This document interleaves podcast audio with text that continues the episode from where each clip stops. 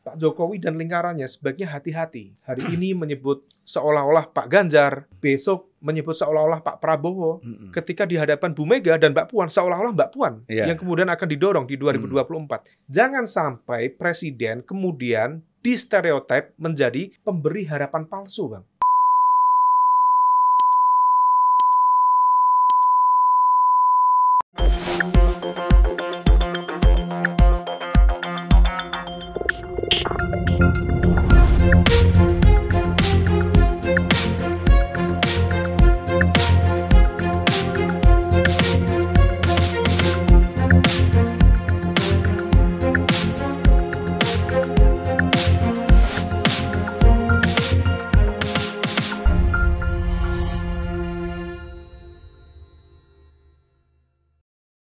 Kita masuk kepada soal relawan nih.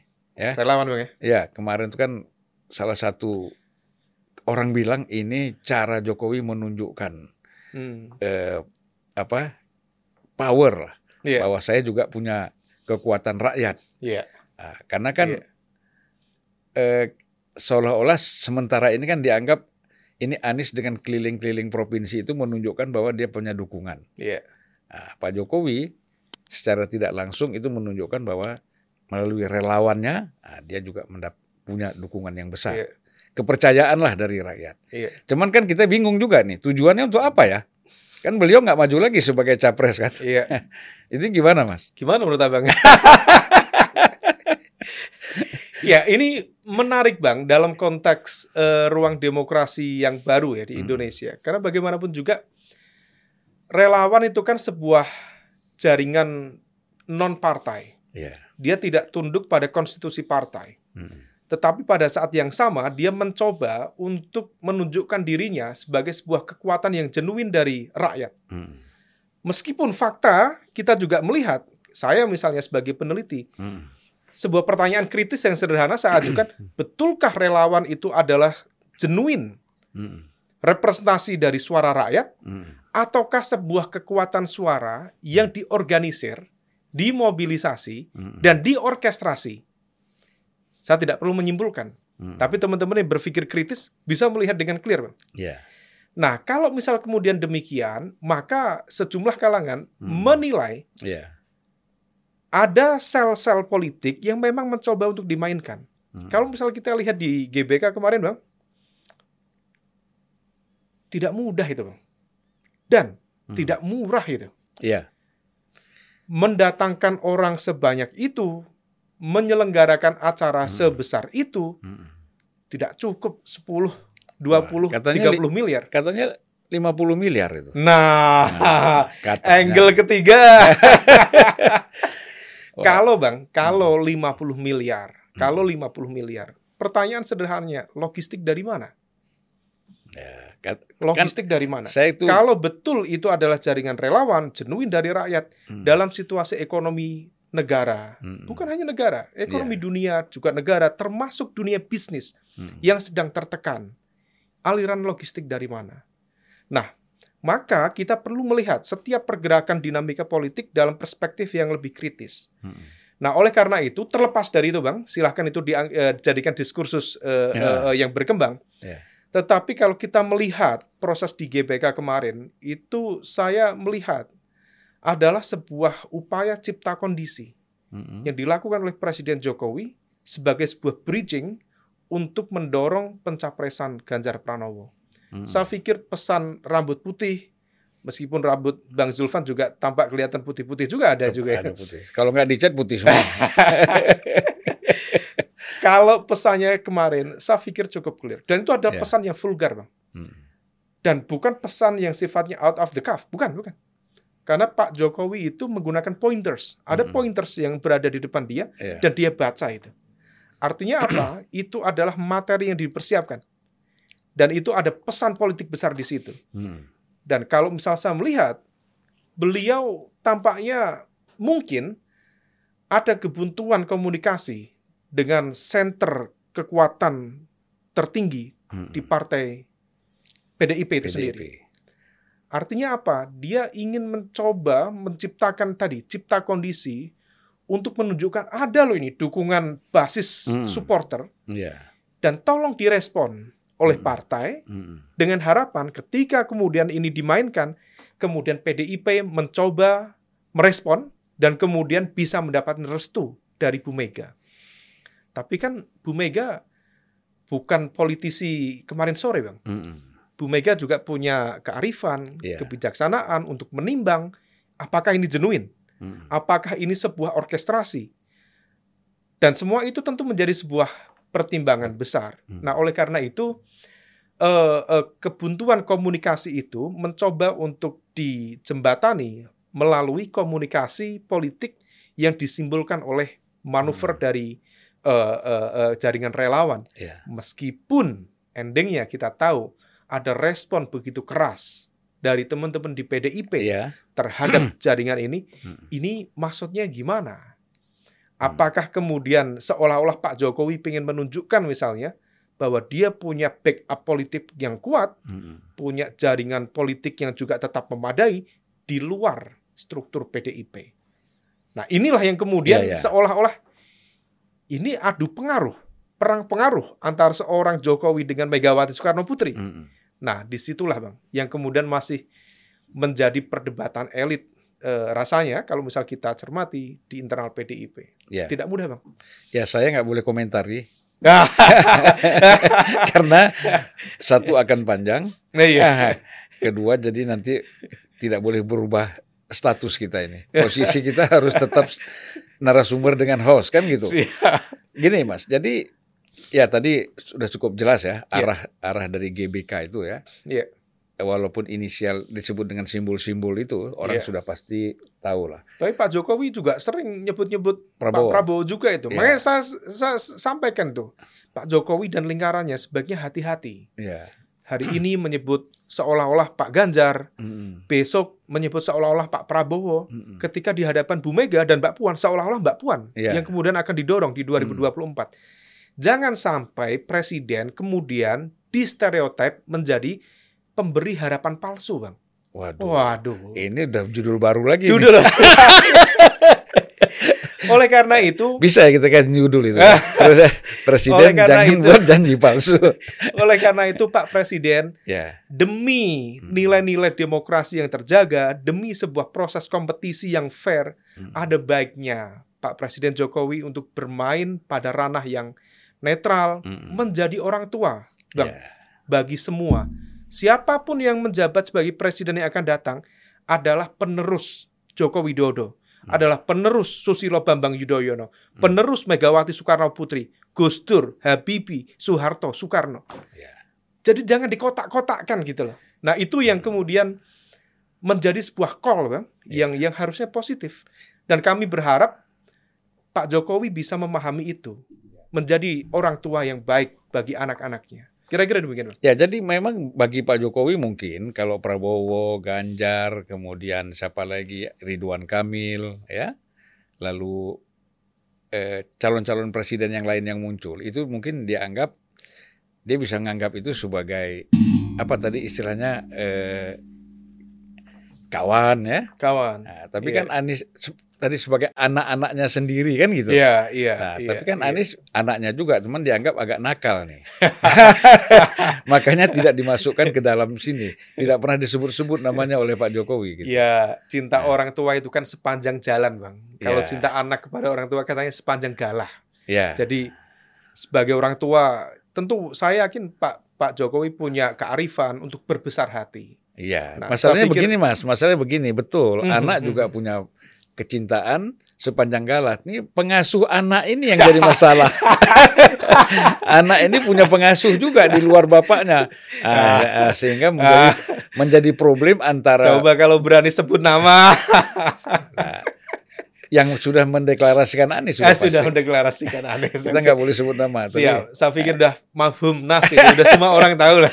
ya, Mas, apa betul ini KIB ini eh, memang dibentuk ya, yang tadi juga masih belum solid eh, untuk disiapkan lah paling tidak Iya. kalau PDIP nanti tidak memutuskan untuk mencalonkan Ganjar, ah, bisa lewat KIB.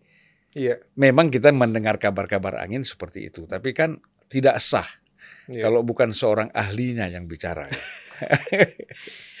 ya informasi spekulatif eh, menyampaikan begitu bang. Hmm. Dan kalau misalnya kita lihat tren kemarin di hari ulang tahun Golkar juga cukup clear saya pikir Hmm. statement Pak Erlangga. Hmm. Capres dari koalisi Indonesia Bersatu akan ditentukan atas restu dan konsultasi dengan presiden. Hmm. Itu kan sebenarnya sudah mengkonfirmasi dong Iya. bahwa ini adalah sebuah skoci. Hmm. Skoci itu jauh lebih bermartabat bang. Ya. Bahasa yang lebih vulgar, ini adalah boneka politik Hmm. yang dipersiapkan oleh istana Hmm. untuk menjadi kendaraan politik Pak Ganjar Pranowo. Hmm. Jika misal PDIP sebagai rumah politiknya Hmm. tidak mengusung Ganjar Pranowo. Hmm. Dan ini sebenarnya juga menjadi catatan Bang ya.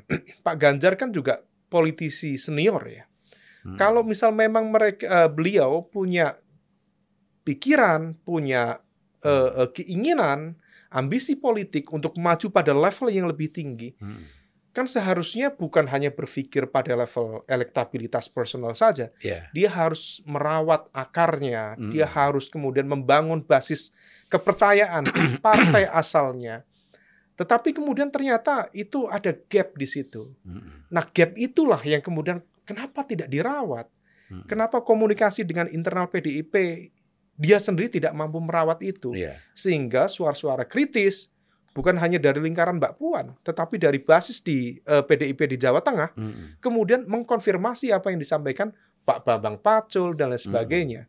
Nah, kalau dia berpikir strategis, seharusnya akar di dalam itu diselesaikan dulu. Hmm. Jangan sampai dia kemudian distereotip sebagai pihak yang tidak memiliki kontribusi signifikan Hmm. terhadap partai politiknya.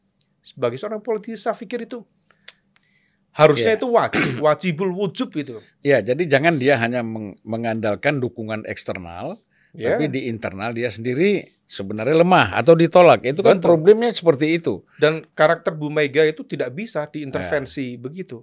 Masih ingat Bang dulu Bang Hmm. di eh, Jawa Tengah juga sebelum Pak Ganjar ada Hmm. namanya Bu Rustri Ningsih. Ya, Waktu itu adalah wakil gubernur. Kebumen. Eh, wakil, eh, wakil gubernur Jawa sempat Tengah. menjadi ya betul, sempat menjadi bupati Kebumen jadi dengan wakil. capaian bagus Hmm. dari PDIP, Hmm. kemudian menjadi wakil gubernur Jawa Tengah dengan Iya. capaian elektabilitas yang bagus Bang. Hmm. Tapi mungkin dalam bahasanya Pak Bambang Pacul kemajon, Hmm. merasa diri lebih lebih kuat. Iya. akhirnya membangun barisan dan tidak dikomunikasikan dengan basis partainya PDIP Hmm. waktu itu. Apakah kemudian itu bisa mendikte seorang Mega? Ternyata enggak, Bang. Sama sekali enggak dipakai. DKI juga sekarang. kan? DKI, Bang ya? Ah, di, ketua DKI PDIP kan dulu siapa saya namanya? Pak Boy. Pak Selamat apa siapa? Pak Slamet. Ya, Oke. Saya lupa namanya. Tapi kasusnya seperti itu. Iya, Dia iya, ingin maju iya. sebagai gubernur ya. Nah, saya khawatirnya jangan eh, jangan-jangan misalnya Pak Ganjar Pranowo kalau misal tidak bisa menyelesaikan komunikasi internal partainya begitu, bisa jadi bernasib sama dengan Bu Rustri Ningsih di Ya, Jawa Tengah. ya, ya. Gitu, Bang. Kira-kira, Bang. Ya saya kira tunjukkanlah ya satu sikap yang yang positif kepada partai Akar. akar ya Akar akar, persoalan ini karena percuma juga saya juga yakin bahwa mungkin dalam sebelum penentuan nanti eh apa sebelum penentuan siapa capres mungkin PDIP kan akan membuat rakernas lagi ya. Iya, iya. Nah, Konon momentumnya 10 Januari, Bang ya. ya. Tapi sepertinya kalau lihat pergerakannya belum sampai pada deklarasi lah nama capres. Tapi Mungkin setidaknya usulan-usulan dari da- usulan-usulan usulan-usulan. sudah mulai ada penjaringan. Nah, bisa jadi nggak ada nama Ganjar nanti. Wah. Betul, ini bisa menjadi sebuah kode keras. Iya. Eh, termasuk akan menentukan manuver politik lanjutan dari KIB. Mm-mm. Apakah KIB berani berspekulasi berhadapan secara diametral dengan PDIP Mm-mm. dengan mencalonkan Ganjar Pranowo Mm-mm. atau justru PDIP mencoba untuk mencari alternatif-alternatif baru.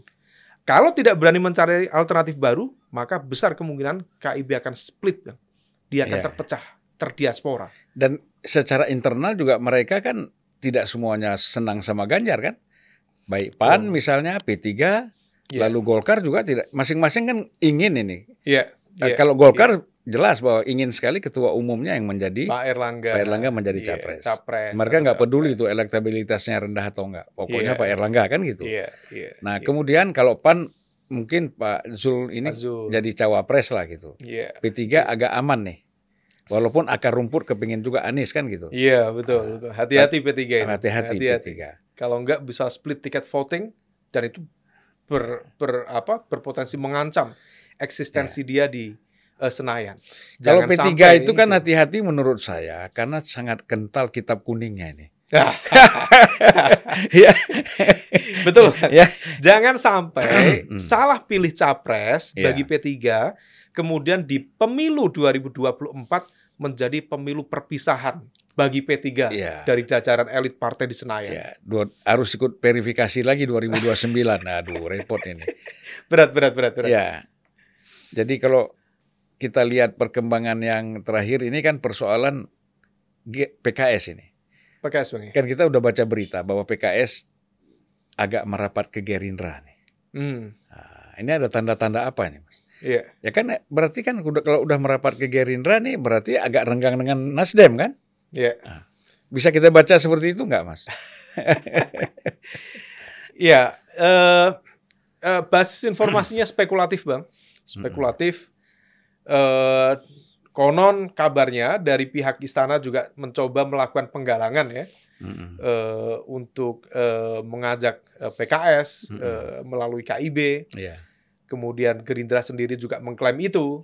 Tapi Mm-mm. pada saat yang sama, eh, kalau per hari ini statement dari Pak eh, Syaihu Iya. yang mengatakan sangat mungkin untuk bergabung dengan Gerindra, Mm-mm. kemudian di eh, eh, diklarifikasi ulang Iya. bahwa komunikasi yang memang sudah cukup solid terbangun sejauh ini Mm-mm. memang dengan Partai Demokrat dan Partai Nasdem. Iya. Nah, apakah kemudian mana yang akan menentukan?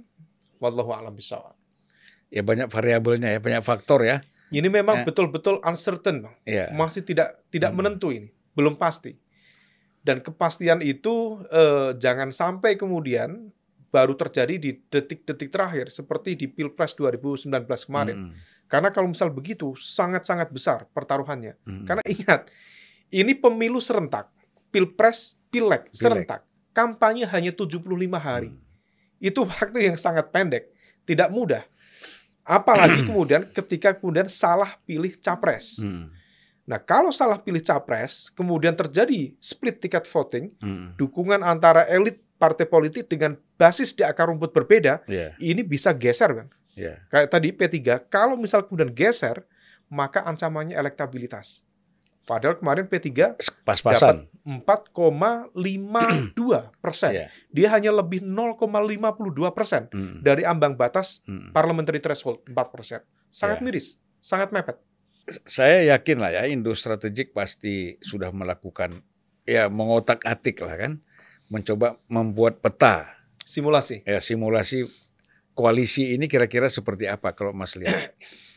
Nah ini jadi simulasinya kan ada itu. Nanti kira-kira pada akhirnya kan Iya. politik itu kan analisis ini kan kita lihat di ujungnya nanti game- seperti apa kan. Betul. Tapi ingat Bang, bahwa dalam situasi seperti ini, Mm-mm. simulasi, pemetaan sifatnya betul-betul membangun narasi istana pasir. Mm-mm. Sepertinya Oh. sudah, Ya ya. tapi potensi runtuhnya, hilangnya juga cepat. Mm-mm. Misalnya tadi kita diskusikan Gerindra, Mm-mm. PKB, sepertinya udah selesai. Ternyata Hmm. nggak selesai juga. Partai Nasdem, Demokrat, PKS, sepertinya Hmm. sudah cukup solid. Tapi at least per hari ini belum ada konkretnya juga. Mm-mm. Nah, oleh karena itu, kalau misal secara general, by presidential threshold memang ada empat kemungkinan.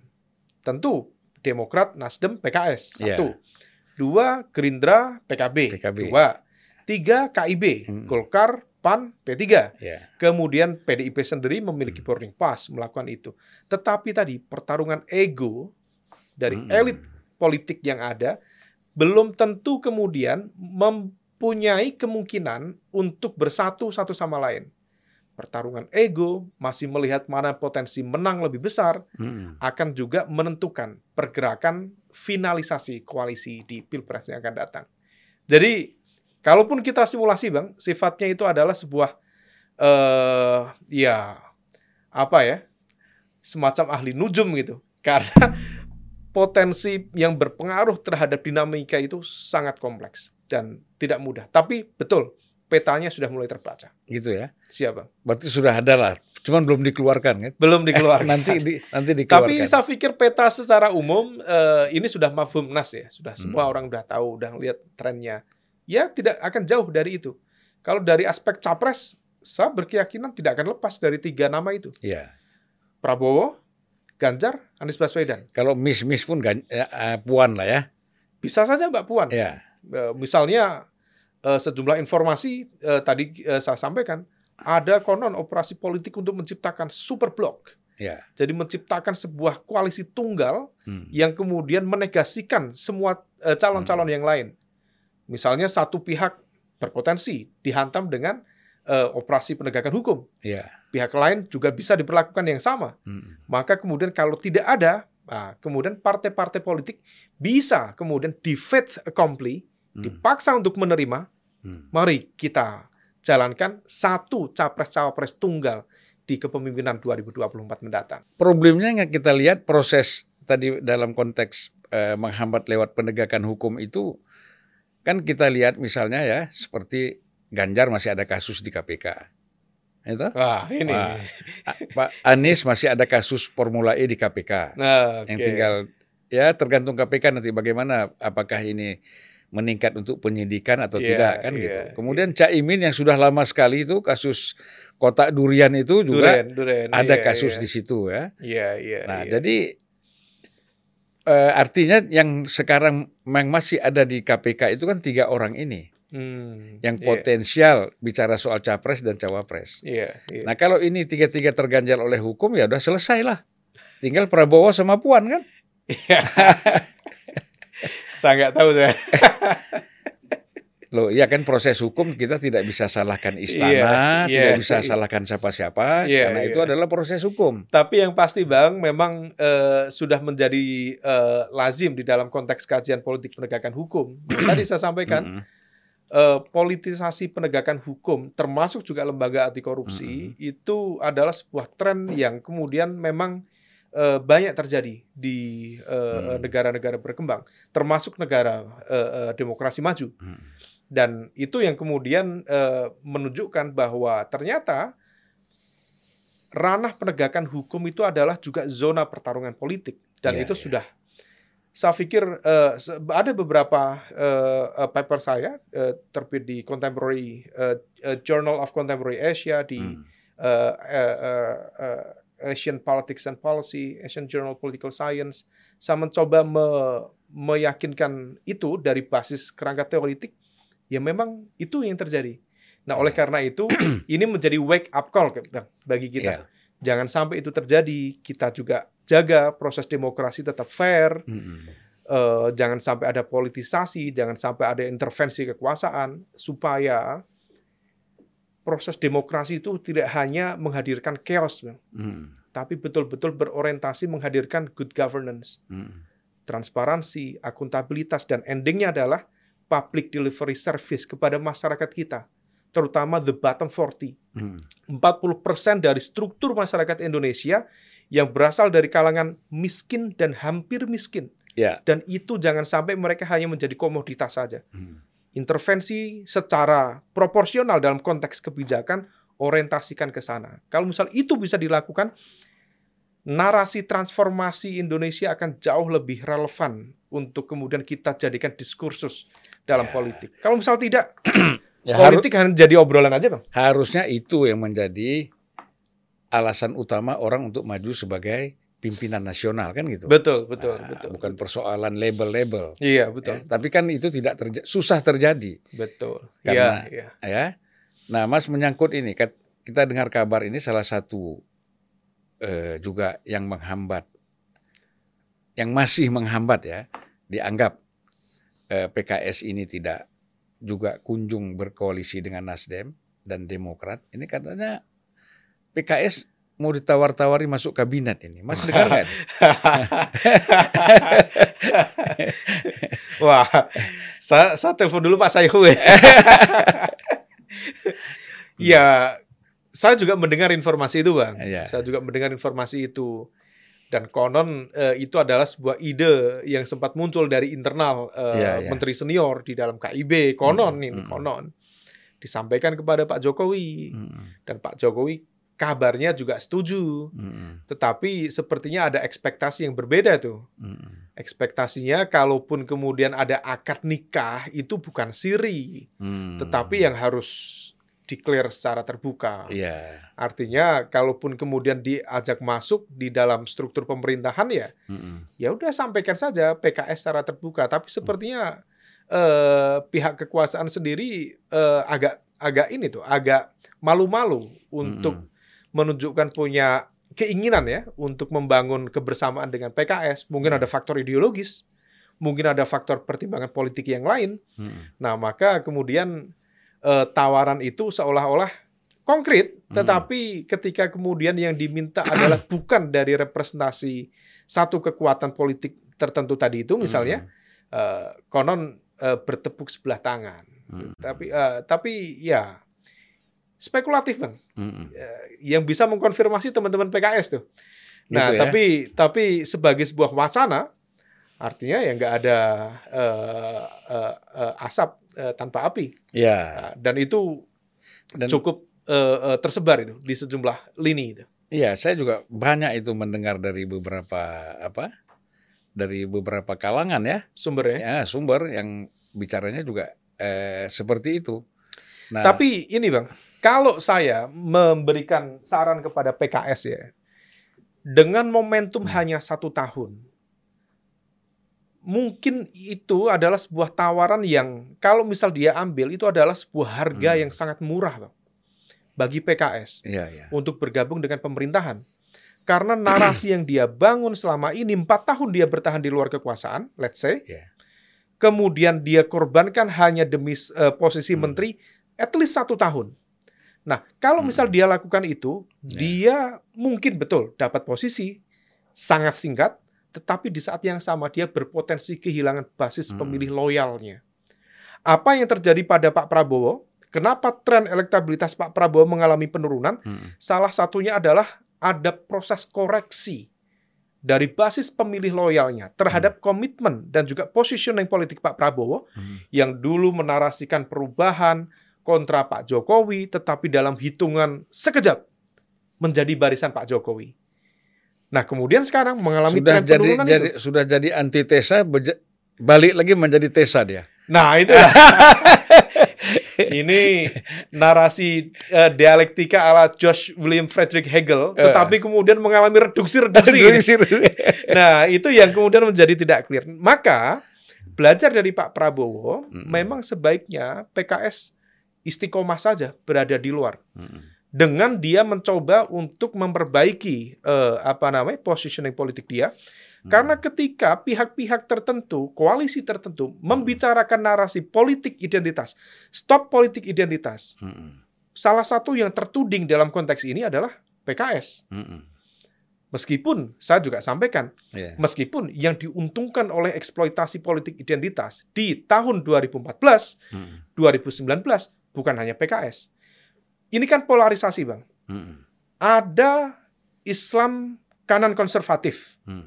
tetapi juga sama di sebelah kiri ada yang kategorinya hipernasionalis. Mm. Dua-duanya mendapatkan kotel efek dari Hmm. proses polarisasi politik ini. Maka kalau misal kemudian kita mau bicara eh, identitas, bicara stop polarisasi, Mm. maka jangan tuding ini saja. Ini juga jangan main. Iya. Eh, eh, eh, kita juga harus fair. Yang nasionalis tadi ya. Yang yang yang ultra atau hipernasionalis. Yang ini menuding eh, anti NKRI, Hmm. yang ini menuding anti Islam. Mm. Demokrasi kita tidak mengarah seperti itu dan Pancasila tidak juga mengajarkan begitu. Iya. Nah, oleh karena itu kita kan sudah ini dewasa, Bang ya. Dewasa dalam arti Mm. Ya Islam itu kompatibel dengan demokrasi di Indonesia Iya. dan fakta menunjukkan ketika Huntington mengatakan Islam is not compatible with democracy, Mm. kemudian Fukuyama mengatakan Islam is not compatible with democracy, fakta di Indonesia menunjukkan bahwa demokrasi lahir dari rahim politik umat Islam di Indonesia. Mm. Dan jangan kemudian dibentur-benturkan ini Mm. antara agama dengan negara, Hmm. antara Pancasila dengan Islam. Islam ya. Ini adalah sebuah apa ya? Ya narasi konstruktif Iya. yang harus kemudian dirajut kebersamaannya. Kira-kira itu yang Hmm. diajarkan Cak Nur, itu yang diajarkan Gus Dur dan juga para Islamic scholars di Indonesia yang lain. Ya, apakah ini kekhawatiran itu ya kira-kira sejauh mana kemungkinan bisa terjadi pada pemilu 2024 nanti? Kemungkinan sangat terbuka, Bang. Hmm. Sangat terbuka. Kenapa? Karena politik identitas itu adalah sebuah cara yang mudah dan murah Hmm. untuk memobilisasi massa dan juga menjadi alat instrumen pemenangan Hmm. sebuah eh, mesin politik. Maka kalau misal kemudian eh, memungkinkan itu terjadi, mungkin akan ada pihak-pihak yang tetap memainkan itu. Hmm. Nah, kapan itu terjadi? Kalau kita lihat sejumlah kajian eh, kami di Paramadina, saya sendiri dosen bang di Hmm. eh, saya dosen Political Science and International Studies di Universitas Paramadina. Hmm. Kemudian ada juga kajian-kajian dari teman-teman di CSIS. Kalau kita lihat dari basis pilkada di Indonesia, eksploitasi politik identitas itu terjadi ketika ada stagnasi elektabilitas Hmm. dari dua atau tiga kekuatan yang berkontestasi. Hmm. Kalau ada stagnasi, dia akan melakukan segala cara untuk memenangkan pertarungan. Iya. Karena sudah tidak ada narasi, tidak ada basis isu, tidak ada Hmm. visi, misi, platform yang bisa Iya. dimainkan, maka the only one yang masih cukup efektif untuk menyentil ego pemilih, Hmm. menyentil sentimen pemilih adalah identity. Could be culture, could be religion, could be Hmm. ethnicity, semuanya berpotensi dimainkan. Hmm. Oleh karena itu ini menjadi sebuah pelajaran penting. Kita, kalangan masyarakat sipil, termasuk partai-partai politik, termasuk jaringan relawan, hati-hati berbicara identitas. Jangan Anda menyatakan stop politik identitas, tetapi Hmm. pada saat yang sama Anda sedang bermain-main dengan politics of labeling. Anda melabeli lawan Anda, kompetitor Anda sebagai pihak yang memainkan politik identitas, tetapi yang Anda lakukan sendiri itu adalah bermain-main dengan eksploitasi politik identitas. Kalau kita tadi kan harapan partai politik semuanya ya relawan itu nampaknya kan mereka terlibat Ya, di dalam persoalan politik identitas ini. ya. Apa bisa mungkin nggak kita harapkan tokoh-tokoh agama misalnya dari berbagai kalangan Iya, agama Bang. ya, Iya, Bang. kemudian para intelektual lebih banyak bicara untuk mencegah ini. Nah, itulah, Bang. Itulah kenapa menjadi penting bagi Hmm. kita untuk membangun politik jalan tengah. Ya. Jadi siasah wasatiyah Mm-mm. itu betul-betul menjadi relevan. Kalau tidak bisa diwujudkan di dalam konteks struktur kekuasaan yang Hmm. wasatiyah, yang tengah, yang moderat, Hmm. setidaknya dari kalangan masyarakat sipil termasuk Islamic based civil Hmm. society bisa namanya Nahdlatul Ulama, bisa namanya Muhammadiyah, Muhammadiyah. Al-Wasliyah, Nahdlatul Waton, Wala Ali Wasabi Ajmain dan teman-temannya yang lain itu Ya. harus memainkan peran itu, Bang. Di negara-negara Timur Tengah, di Hmm. komunitas muslim di Afrika Utara, komunitas muslim di Asia Selatan tidak bisa memainkan itu. Kenapa? Tidak ada basis Islamic based civil society memadai di sana. Hmm. Kita, Bang, Hmm. kita punya itu. Nah, ini kemudian menjadi warning bagi teman-teman yang bergerak di eh, jaringan itu, Hmm. Tolong jangan bergerak terlalu jauh ke ranah politik. Hmm. NU harus kembali pada hitohnya. Hmm. Muhammadiyah juga sama. Supaya apa? Supaya mereka bisa menjadi penjaga bangsa, Bang. Iya, iya. Kalau ada yang bermain-main itu tugas NU, tugas Muhammadiyah, semprit itu. Iya. Bukan malah kemudian mereka menjadi aktor atau bahkan menjadi korban Hmm. dari eksploitasi politik identitas itu sendiri. Oleh karena itu, literasi politik bukan hanya untuk masyarakat, tetapi juga untuk para ulama, kiai, santri harus diperkuat literasi politik dan Iya. demokrasinya. Itu harapan kita ya. Siap, Nah. Bang? Sekarang harapan untuk pemilu 2024 ini apa, Mas? Ini sudah eh, menarik karena ini sudah closing ini. harapannya, Bang, harapannya tadi, Bang.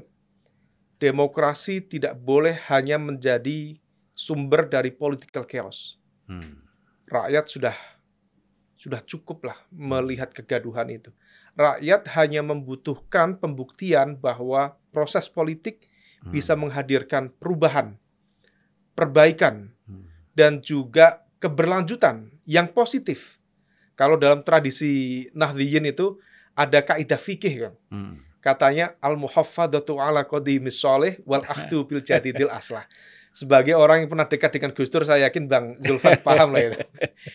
Jadi melanjutkan sesuatu yang lama yang baik, Iya. tetapi juga mengakomodir sesuatu yang baru yang mungkin lebih baik. Iya. Jadi tidak perlu dikotak-kotakkan.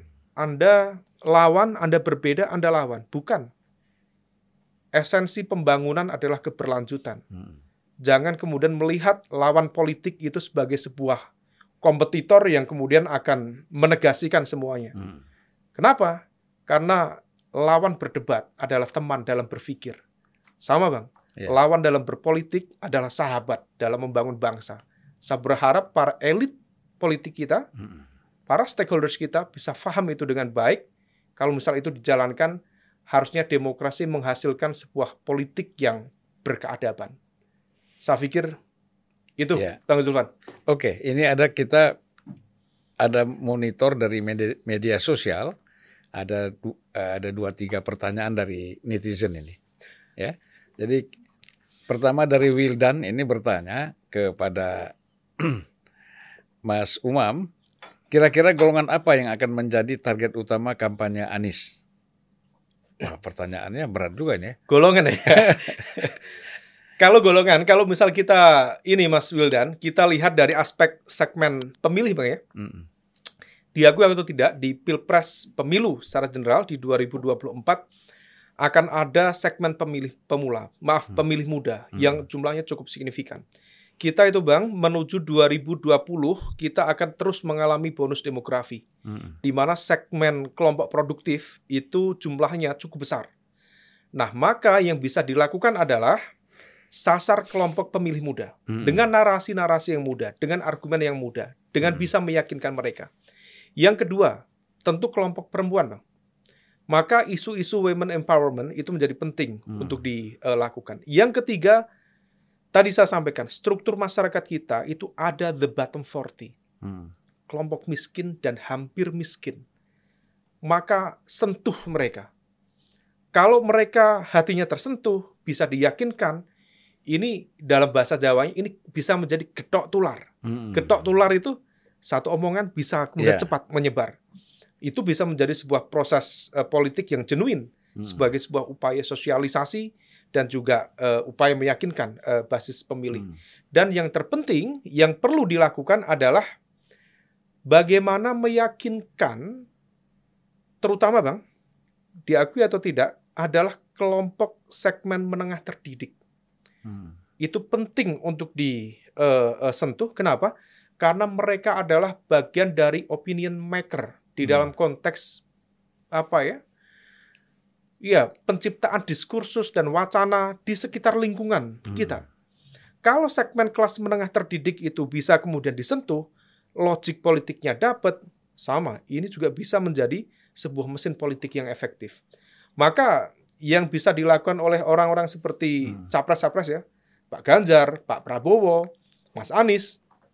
Yang dilakukan Mas Anies bagus kemarin, misal menyampaikan jangan gunakan politik kebencian. Mm. Itu sebuah gesture politik yang baik. Iya. Pak Ganjar mungkin juga sama. Mm-mm. Pak Prabowo belakangan juga sama. S- Prabowo Subianto adalah simbol persatuan. gitu. Mm. Meskipun tentu ada pihak-pihak yang men-challenge. Kemarin ya gitu gitulah bang. Nah Ya. itu semua harus dilakukan para capres juga cawapres untuk meyakinkan segmen-segmen tadi bisa dijamah dengan baik, disentuh logik Hmm. politiknya. Siapa yang bisa memainkan pertarungan itu, Mm-mm. saya yakin berpotensi menang untuk menjadi pemimpin Indonesia yang akan datang. Nah, netizen ini bertanya, netizen, apa mungkin ini minoritas, kalau kaum minoritas ini untuk menjadi, eh, ya katakanlah presiden di Iya. negara kita ini? Eh, kalau dari aspek tata negara eh, dan juga kesadaran literasi masyarakat politik kita, tidak ada aturan yang menghambat bagi sahabat-sahabat kita kelompok minoritas untuk menjadi pemimpin di Hmm. Indonesia. Mm-mm. Oleh karena itu banyak sekali di level menteri banyak, kepala Mm-mm. daerah banyak. Sehingga kemudian kita tidak melihat bahwa kemudian pemimpin Indonesia itu harus di posisi nomor satu, nomor dua. Mm-mm. Tidak harus. Tetapi realitas politik kita, realitas demokrasi kita memungkinkan untuk itu. Mm. Meskipun kemudian ada berdebat, tapi belum ada presiden, wakil presiden berasal dari teman-teman minoritas. Mm. Nah, ini adalah sebuah sistem demokrasi yang Hmm. menghendaki eh, kekuatan suara mayoritas, Hmm. diakui atau tidak. Spektrum demografi kita tentu juga menentukan output Hmm. politik yang dihasilkan. Ya. Jadi, saya pikir nature demokrasi sudah berjalan dengan eh, eh, dengan baik di Hmm. Indonesia. Meskipun di saat yang sama, saya juga ingin menyampaikan kepada sahabat-sahabat kita, teman-teman minoritas, teman-teman Kristiani, Hindu, Hmm. Buddha, Konghucu, termasuk teman-teman dari etnis Tionghoa, Mm. jangan merasa fobia Mm. terhadap proses politik di Indonesia. Jangan merasa ketakutan terhadap proses politik di Indonesia. Karena kita sendiri dengan segala diskursus yang disampaikan, ada kematangan berpolitik yang Hmm. semakin kuat Mm. di antara para elit-elit politiknya.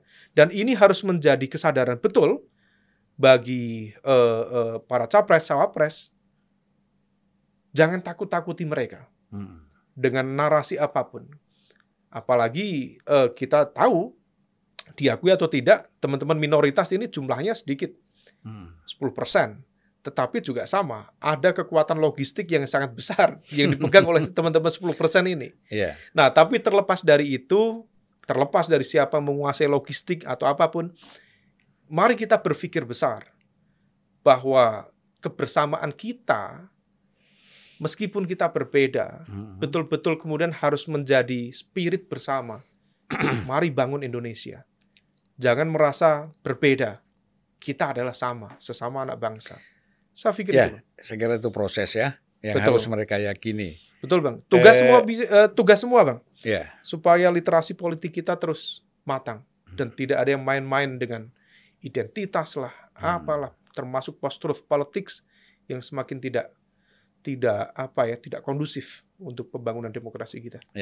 Mas Umam ini makin kita tanya makin banyak ilmunya yang keluar. Nggak habis-habis ini. Jadi apa? Waktu yang Ampun, membat Bang. waktu yang membatasi kita. Siap, Mas Umam. laksanakan. Kami dari Unpacking Indonesia mengucapkan banyak terima kasih ya atas kehadirannya. Ya, insya Allah ini semuanya bermanfaat lah. Amin. Semua yang kita lakukan ini untuk kepentingan bangsa dan negara, kan gitu. Mantap, Bang. Ya, terima kasih banyak Mas. Insya Allah kita bisa ketemu lagi. Siap. Saya ucapkan terima kasih juga buat Bang Zulfan dan juga tim Unpacking Indonesia yang luar biasa ini. Ya. Ini adalah sebuah proses pencerahan dan Ya. civic education yang genuine ya dimulai dari begini-begini. Ya. Nah, saya pikir ini adalah kontribusi real bagi Indonesia dari Bang Zulfan Lindan.